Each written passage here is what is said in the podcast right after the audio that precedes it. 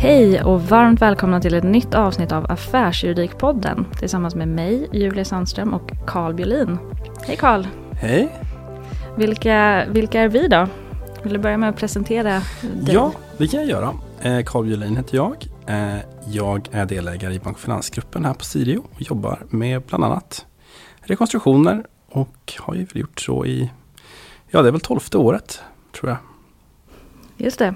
Och jag, eh, Julia, är eh, associate i Mango Finansgruppen och jobbar tillsammans med Carl med eh, olika obeståndsfrågor. Eh, och I den här podden så ska vi gå igenom ett högaktuellt ämne så här när lågkonjunkturen närmar sig. Nämligen företagsrekonstruktioner och särskilt eh, den nya lagen som eh, trädde i kraft 1 augusti i år. Eh, det finns ju flera sätt att rekonstruera eller omorganisera en verksamhet. Eh, det vi fokuserar på idag är det formella sättet. Eh, det betyder att en gäldenär, typiskt sett ett aktiebolag, eh, som har ekonomiska svårigheter ansöker eh, hos tingsrätten om att inleda rekonstruktion under ledning av en rekonstruktör. Vi kommer komma in på mer exakt vad, vad allt detta innebär. Huvudspåren är att det är en gäldenär som som sagt har ekonomiska svårigheter men inte är på obestånd som är i behov av att omorganisera hela eller delar av sin verksamhet i syfte att bli lönsam och återfå sin livskraft. Rekonstruktionen innebär också ett förbud mot exekutiva åtgärder mot gäldenären.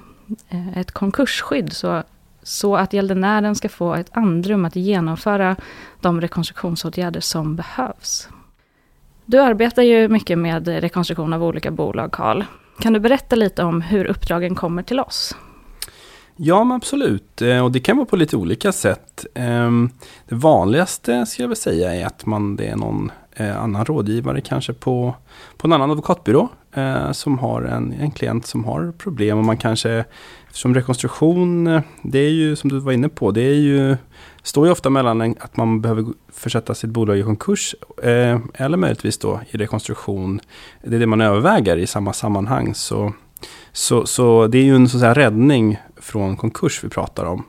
Och eh, då är det ofta någon som kanske är bolagets normala rådgivare som, som eh, känner att ja, det här kanske är lite utanför eh, deras eh, specialistkompetens. Och eh, vänder sig till någon som är specialiserad då på bolag som är i kris då, som bland annat vi, vi på vår avdelning jobbar med. Då.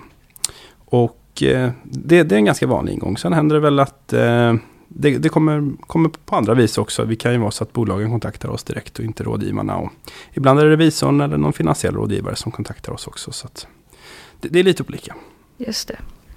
Det som vi fokuserar på idag är ju det domstolsstyrda förfarandet. Eh, och eh, en nyhet med eh, den nya lagen är att det ställs lite högre krav på själva ansökan och utformningen av denna. Kan du berätta lite mer om hur, hur man går tillväga för att ansöka? Ja, men precis. Kraven har ju skärpts i den nya lagen för att få tillgång kan man säga till förfarandet. Ehm, vi ska inte kanske gå igenom alla punkterna som ska vara uppfyllda. Det är ganska många form form formalia punkter och så. Men um, det som man har höjt kraven på är ju att man ska eh, beviskraven att en rekonstruktion ska leda till att man eh, säkerställer bolagets livskraft. Eh, själva tröskeln kan man säga har ju egentligen sänkts i det nya regelverket. Man behöver egentligen inte vara, ha i samma problem som egentligen var i den gamla lagen. Däremot har kraven på att bevisa att en rekonstruktion faktiskt är en lösning på de här problemen man nu har. Eh, de har ökat. Så, så, man kan säga att eh, du kan egentligen kanske ha en, ha, ha en lång tid framöver där du kommer klara dina finansiella åtaganden. Kanske att du har ett förfall på en stor kredit om ganska lång tid, flera månader, ett halvår kanske. Eh, och fram till dess är det, kommer det inte vara något problem. Då har du möjlighet att gå in i ett sånt här förfarande. Och, eh, tidigare reglering kanske ändå ställde lite mer krav på att det var mer akut situation. Just det. Vilken är den största förändringen som du ser eh, när, man gäller, när det gäller inledandet av förfarandet jämfört med innan? Ja, um, det är ju det kravet på livs, eller livskrafttestet som det heter då. Va? Um, det är ju ett, ett, ett, ny, ett, nytt test helt enkelt som ska göra, göras. Och ehm, eh, sen har man det formella kravet på ordnad bokföring också då. Om man har haft eh, till exempel då kritik i sin årsredovisning av revisorn för, För, för att man inte har, ja, det är någonting som inte är tillräckligt bra helt enkelt i, i redovisningen. Eh, och det har, de här sakerna har ju medfört när det gäller livskraftstestet att man, om det inte är väldigt tydligt så att även vi icke eh, finanskunniga, får man väl kalla oss jurister då, kan, kan så att säga, utläsa det vid en årsredovisning eller balansresultaträkningar, vilket sällan är fallet, så behöver vi faktiskt anlita en expert som, som kommer med ett utlåtande och i alla fall en bakgrundsanalys till oss om att, att bolagets likviditet handlar ju om då är sån att man, man klarar av en rekonstruktion och man klarar av att komma ur en rekonstruktion på andra sidan. Eh, med, med viss grad av sannolikhet då, eftersom det, det blir en prognos såklart. Men, så, så det, är, det är två stora skillnader. Just det. Det ställs ju även lite högre krav på vem som kan utses till rekonstruktör i den nya lagen. Vilka är kraven och vad, vad är skillnaden nu versus innan? Ja men precis. Tidigare så var det ju ganska öppet. Eh, nu kan inte jag faktiskt det gamla rekvisiten för, för vem som fick bli rekonstruktör. Men det som gäller nu är ju att en rekonstruktör ska ju vara konkursförvaltarbehörig som man säger. Och det är ju normalt sett att man har arbetat fem år med, som, som konkurshandläggare först och under någon konkursförvaltare. Men om man ska dessutom ha relativt färsk erfarenhet av fortsatt drift i konkurs. Och det där har ju, det är en rejäl avsmalning av kretsen som kan komma i fråga för att bli rekonstruktörer. Så den har ju minskat eh, väsentligt helt enkelt med den. Och det, det, var nog, det var i och för sig avsett säkerligen från lagstiftarens sida. Eh, lite på grund av, av så att säga, vissa aktörer som fanns under den gamla lagen som man inte var riktigt nöjd med, vare sig från lagstiftarens sida eller från vi andra.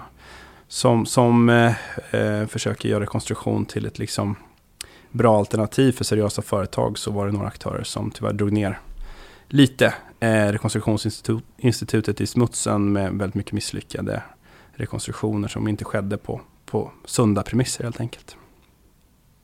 Precis. Men säg att vi, eh, man har lyckats få igenom den här ansökan, den är beviljad, tingsrätten fattar beslut om att inleda rekonstruktion och utse dig till rekonstruktör. Vad händer då? Hur jobbar du och bolaget i den inledande fasen?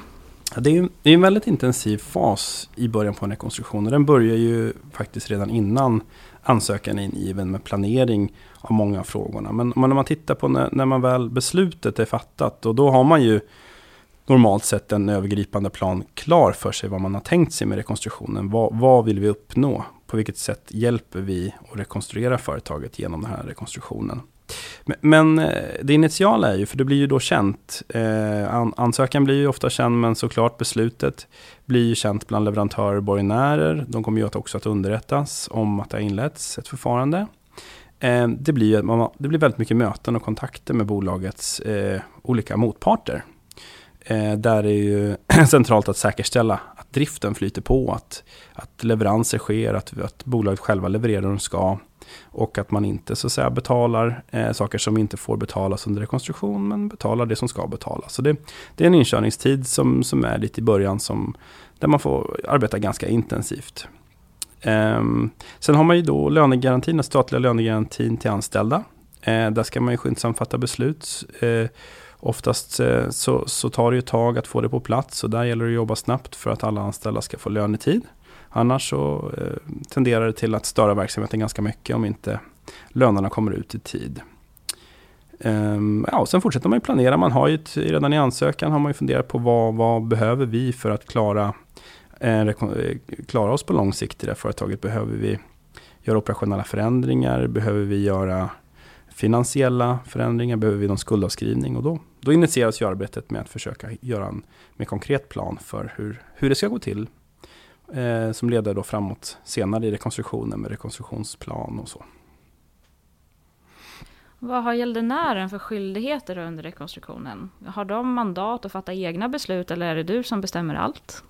Nej, eh, det finns ju vissa punkter där rekonstruktören eh, har bestämmande eller beslutande rätt kan man säga. Men utgångspunkten är att styrelsen har ju, sitter kvar eh, på samma sätt som innan en rekonstruktion. Och rekonstruktörens roll är att vara eh, en, en rådgivare med särskilt ansvar för vissa borgenärsfrågor under rekonstruktionen. Så formellt sett så är det, är det bolagets ledning och vd och så som bestämmer som vanligt. Men i, i praktiken så är det klart att i viktigare frågor så diskuterar man med rekonstruktören. Eh, och må, många, många frågor blir ju legala och påverkas av rekonstruktionslagstiftningen och då behöver man ju ha en löpande dialog kring frågor. Men formellt är det bolagets ledning som fortsatt beslutar om saker. Några av nyheterna i den nya lagen rör ju också gäldenärens avtal. Det är ju inte helt ovanligt att man har flera långtgående avtal för lokalhyra eller leveranser av varor och råmaterial. Vad händer med avtalen under, de här, under rekonstruktionsförfarandet? Utgångspunkten är ju att avtalen ska inte beröras som utgångspunkt av att man går in i en rekonstruktion. Eh, däremot är ju villkoren i många avtal sådana att, att eh, många parter i alla fall tycker att de har rätt att se upp dem eller agera på olika sätt eh, på grund av rekonstruktionen. Och det här har man ju parerat med en lång rad bestämmelser i rekonstruktionslagen och där finns det ju många som har tillkommit sedan den förra lagen. Gällande hur och på, på vilket sätt man ska hantera avtal. Um, utgångspunkten är såklart, som jag sa, att avtalen ska löpa vidare. Men det finns ju eh, en mekanik för eh, gäldenären kan man säga att frigöra sig från, från de avtal man inte vill, vill fullfölja från, från rekonstruktionsbolagets sida. Och på samma sätt eh, finns det en funktion för borgenärer eller avtalsmotparter som vill förstå, förstå och veta hur det blir med deras avtal att få, få konkreta besked från, från bolaget om hur de kommer agera i, i avtalet.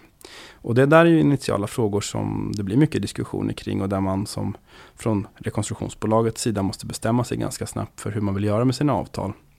Eh, eftersom frågorna börjar komma ganska snabbt från, från motparten om hur de, hur de vill göra med avtalen, om de ska fullföljas eh, eller inte. Eh, sen finns det ju vissa specifika möjligheter som är nya. Eh, utöver det, det här är ju mer den generella hanteringen av avtal och det är ju det som kallas partiell fullgörelse eh, av avtal. Och då kan ju rekonstruktionsbolaget välja vissa delar till exempel av ett avtal. Så under vissa, vissa begränsande rekvisit finns det ju då för, för att skydda motparten. Men utgångspunkten är att man kan välja leverans av tre av tio bilar under ett avtal där tio bilar ska levereras. Och resten eh, ska in, in, då fullföljs inte från bolagets sida. Det finns också, också en eh, extraordinär uppsägningsrätt på löpande avtal där man kan säga upp vilket avtal man vill på tre månader. Vilket eh, är en ganska stor nyhet eh, faktiskt. Och eh, i, i den uppsägningen så ligger det även en, ett krav på, på visad skada eh, från motpartens sida om man ska kunna kräva skadestånd på grund av den här uppsägningen som man gör. För det, Ehm, det blir ju ett avtalsbrott såklart att säga upp ett avtal när man inte hade en sån rätt från början. Men där till exempel avtalsviten som är ganska vanligt i många former av avtal antagligen blir svåra att kräva på efter att ett sånt upphörande har skett. Ehm, ja, det är några av avtalsreglerna. Det finns säkert fler. En annan stor förändring handlar ju om införandet av planförhandling. Tidigare så röstade ju borgenärerna enbart om ackordet, det vill säga skulduppgörelsen. Men det har nu utökats till att omfatta hela rekonstruktionsplanen. Kan du berätta lite mer om tankarna bakom rekonstruktionsplanen och, och möjligheterna för borgenärerna att vara mer delaktiga än tidigare? Ja, men visst. Och det här är väl den största förändringen mot den tidigare lagstiftningen. Det är ju reglerna kring rekonstruktionsplanen och hur, hur de kan antas. Så, um, ehm, den, en stor skillnad är ju att man numera då, eh, som du kanske var inne på där, att, att alla eh, bolagets motparter eller borgenärer och ägare numera då kan påverkas av en rekonstruktionsplan. Tidigare var det då oprioriterade, osäkerställda borgenärer som, som egentligen var de enda som kunde påverkas. Och, och de röstade så att säga inom ramen för en grupp om de, det fanns en tillräcklig majoritet då för en, till exempel, för en skuldavskrivning. Nu, nu eh, blir det på ett helt annat sätt där där man egentligen i en plan då kan påverka allt från säkerställda borgenärer, avtalsmotparter, eh, efterställda borgenärer, ägare, såklart vanliga borgenärer också. Eh, på olika sätt i planen. Och eh, därmed få en mycket mera anpassad rekonstruktionsplan som, som kan eh, skräddarsys helt enkelt för, för de behov, den plan som behövs för att rädda bolaget. Men, men det komplicerar ju också betydligt eh, hur en omröstning ska ske när konsekvenserna för olika, olika grupper av intressenter påverkas på olika sätt. Och leder eh, till helt enkelt till en gruppindelning då utifrån hur man påverkas av en sån här plan där till exempel då säkerställda borgenärer med viss typ av säkerhet i en grupp och säkerställda borgenärer i en annan med en annat säkerhetslag i en annan grupp. Oprioriterade borgenärer i en grupp, efterställda igen, ägarna igen. Eh, helt beroende på vad, hur rekonstruktionsplanen för att rädda företaget ser ut. Så, och, eh, och röstning sker då även, man behöver då som utgångspunkt ha, ha stöd av alla de här olika intressegrupperingarna för att få igenom en rekonstruktionsplan. Man har ju sänkt kraven lite grann. Förut var det ju 75% stöd om man, om man vill ha ett ackord på så att säga 75 procent. Eh, nu är det generella kravet två tredjedelar istället rakt igenom då i alla grupper. Så kort sagt en betydligt mera möjligheter får man väl säga till att rekonstruera utifrån att man kan lägga fram en, en avancerad rekonstruktionsplan som är skräddarsydd men också ganska komplicerat röst, röstningssystem eh, kring det och en, eh, en komplicerat arbete med att dela in eh, bolagets intressenter i olika grupperingar. Eh, så ja. Det blir väl en taktisk fråga också för rekonstruktören och bolaget att planera hur man ska göra gruppindelningen. Ja. Och, och därför finns det ju också gränser i lagstiftningen att man inte får mixtra för mycket, om man får kalla det mixtra, med gruppindelningen. Utan den, den ska, de som är i samma omröstningsgrupp ska ha liknande intressen, står det väl i lagtexten. Och, och det måste man ju respektera, annars riskerar man ju då en tvist om den frågan i rekonstruktionen. Om, om, om verkligen gruppindelningen har skett på ett sätt som är, är korrekt helt enkelt och speglar de intressen som finns. Just det. Du, du var inne lite det på att, eh, den här, att rekonstruktionsplanen gör att det finns eh, större möjligheter att anpassa efter det specifika fallet. Och den här nya lagen ska ju innehålla liksom en hel del nya verktyg eh, att använda. Mm. Eh, bland annat pratar man om debt, debt for equity swap. Just det. Eh, kan du ja, berätta lite mer om vad det, vad det är? Just det, debt equity swaps. Eh, just det, det, är ju det att man bygger nu ihop bolagsrätten med rekonstruktionslagstiftningen på ett sånt sätt att man i en rekonstruktionsplan kan ju till exempel då eh, ange att eh, vissa, någon, en borgenärsgrupp, kanske till exempel en, grupp obliga, så icke säkerställda obligationsinnehavare eh, ska inte få pengar för sina fordringar i någon viss procent utan de kanske ska få aktier i bolaget som en del av rekonstruktionsplanen. Eller och det kan man göra genom en kvittningsemission med de fordringar de har konverteras helt enkelt till aktier i den rekonstruktionsplanen som fastställs. Och då får den en direkt bolagsrättslig verkan där man helt enkelt skickar in planen till Bolagsverket som levererar ut eh, de aktier som, som ska eh, istället för då att man på vanligt sätt skickar in bolagsstämmohandlingar. Så, så det, är, det är en stor nyhet såklart eh, för den svenska marknaden. Det har ju funnits utomlands länge i USA och i England och så. Men, men eh, och ja, man, man, vill väl helt enkelt med det här komma åt den verkliga så att säga, förmånsrättsordningen. Där även ägarna har en risk. Eh, svenska, det gamla systemet byggde ju på att det var borgenärerna som kunde påverkas bara. Men, och ägarna sitter kvar i, i rekonstruktionen oftast utan att beröras av, av själva rekonstruktionen. Men, men de som har en marknadsrisk har också en risk i rekonstruktionsreglerna som, som de är utformade nu. Då. Det blir spännande att se. Så vitt jag vet så har inte någon rekonstruktion ännu kommit till eh, någon planförhandling. Eh, Nej, precis. Ännu. Eh, men vilka delar, om du får spåna framåt, vilka delar tror du av de här nya verktygen kommer få störst effekt? Kommer man använda Debt for Equity Swap eh, mycket? Jag tror kanske inte att det kommer vara jättevanligt. Um, det kommer säkert påverka förhandlingarna som sker. Därför att det finns ett nytt hot mot ägare när bolaget går dåligt som inte fanns förut normalt sett. Mm. De kan bli indragna av legala skäl i en sån här plan och de har en risk. Och det tror jag kommer påverka förhandlingen om vem som är beredd att göra vad för att lösa en svår situation. Och där är det ofta ett spel kanske mellan en bank och ägarna och, och, och bolaget och kanske någon, någon, någon, någon, annan intressent om vem som ska bidra med vad.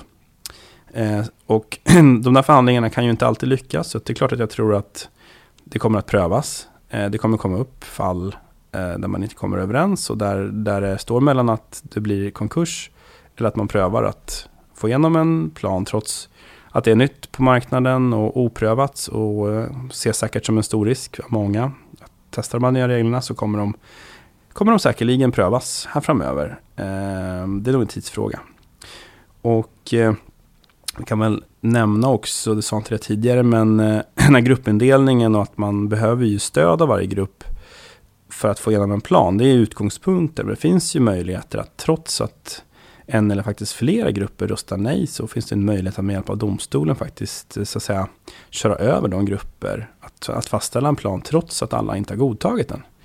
Ehm, det har ju blivit den mest kanske tekniska avancerade delen i lagstiftningen kring förutsättningarna för det. Vi kanske inte ska gå in i detalj på, på alla dem. Men eh, det förutsätter i grunden att man har en majoritet av grupperna eh, med sig.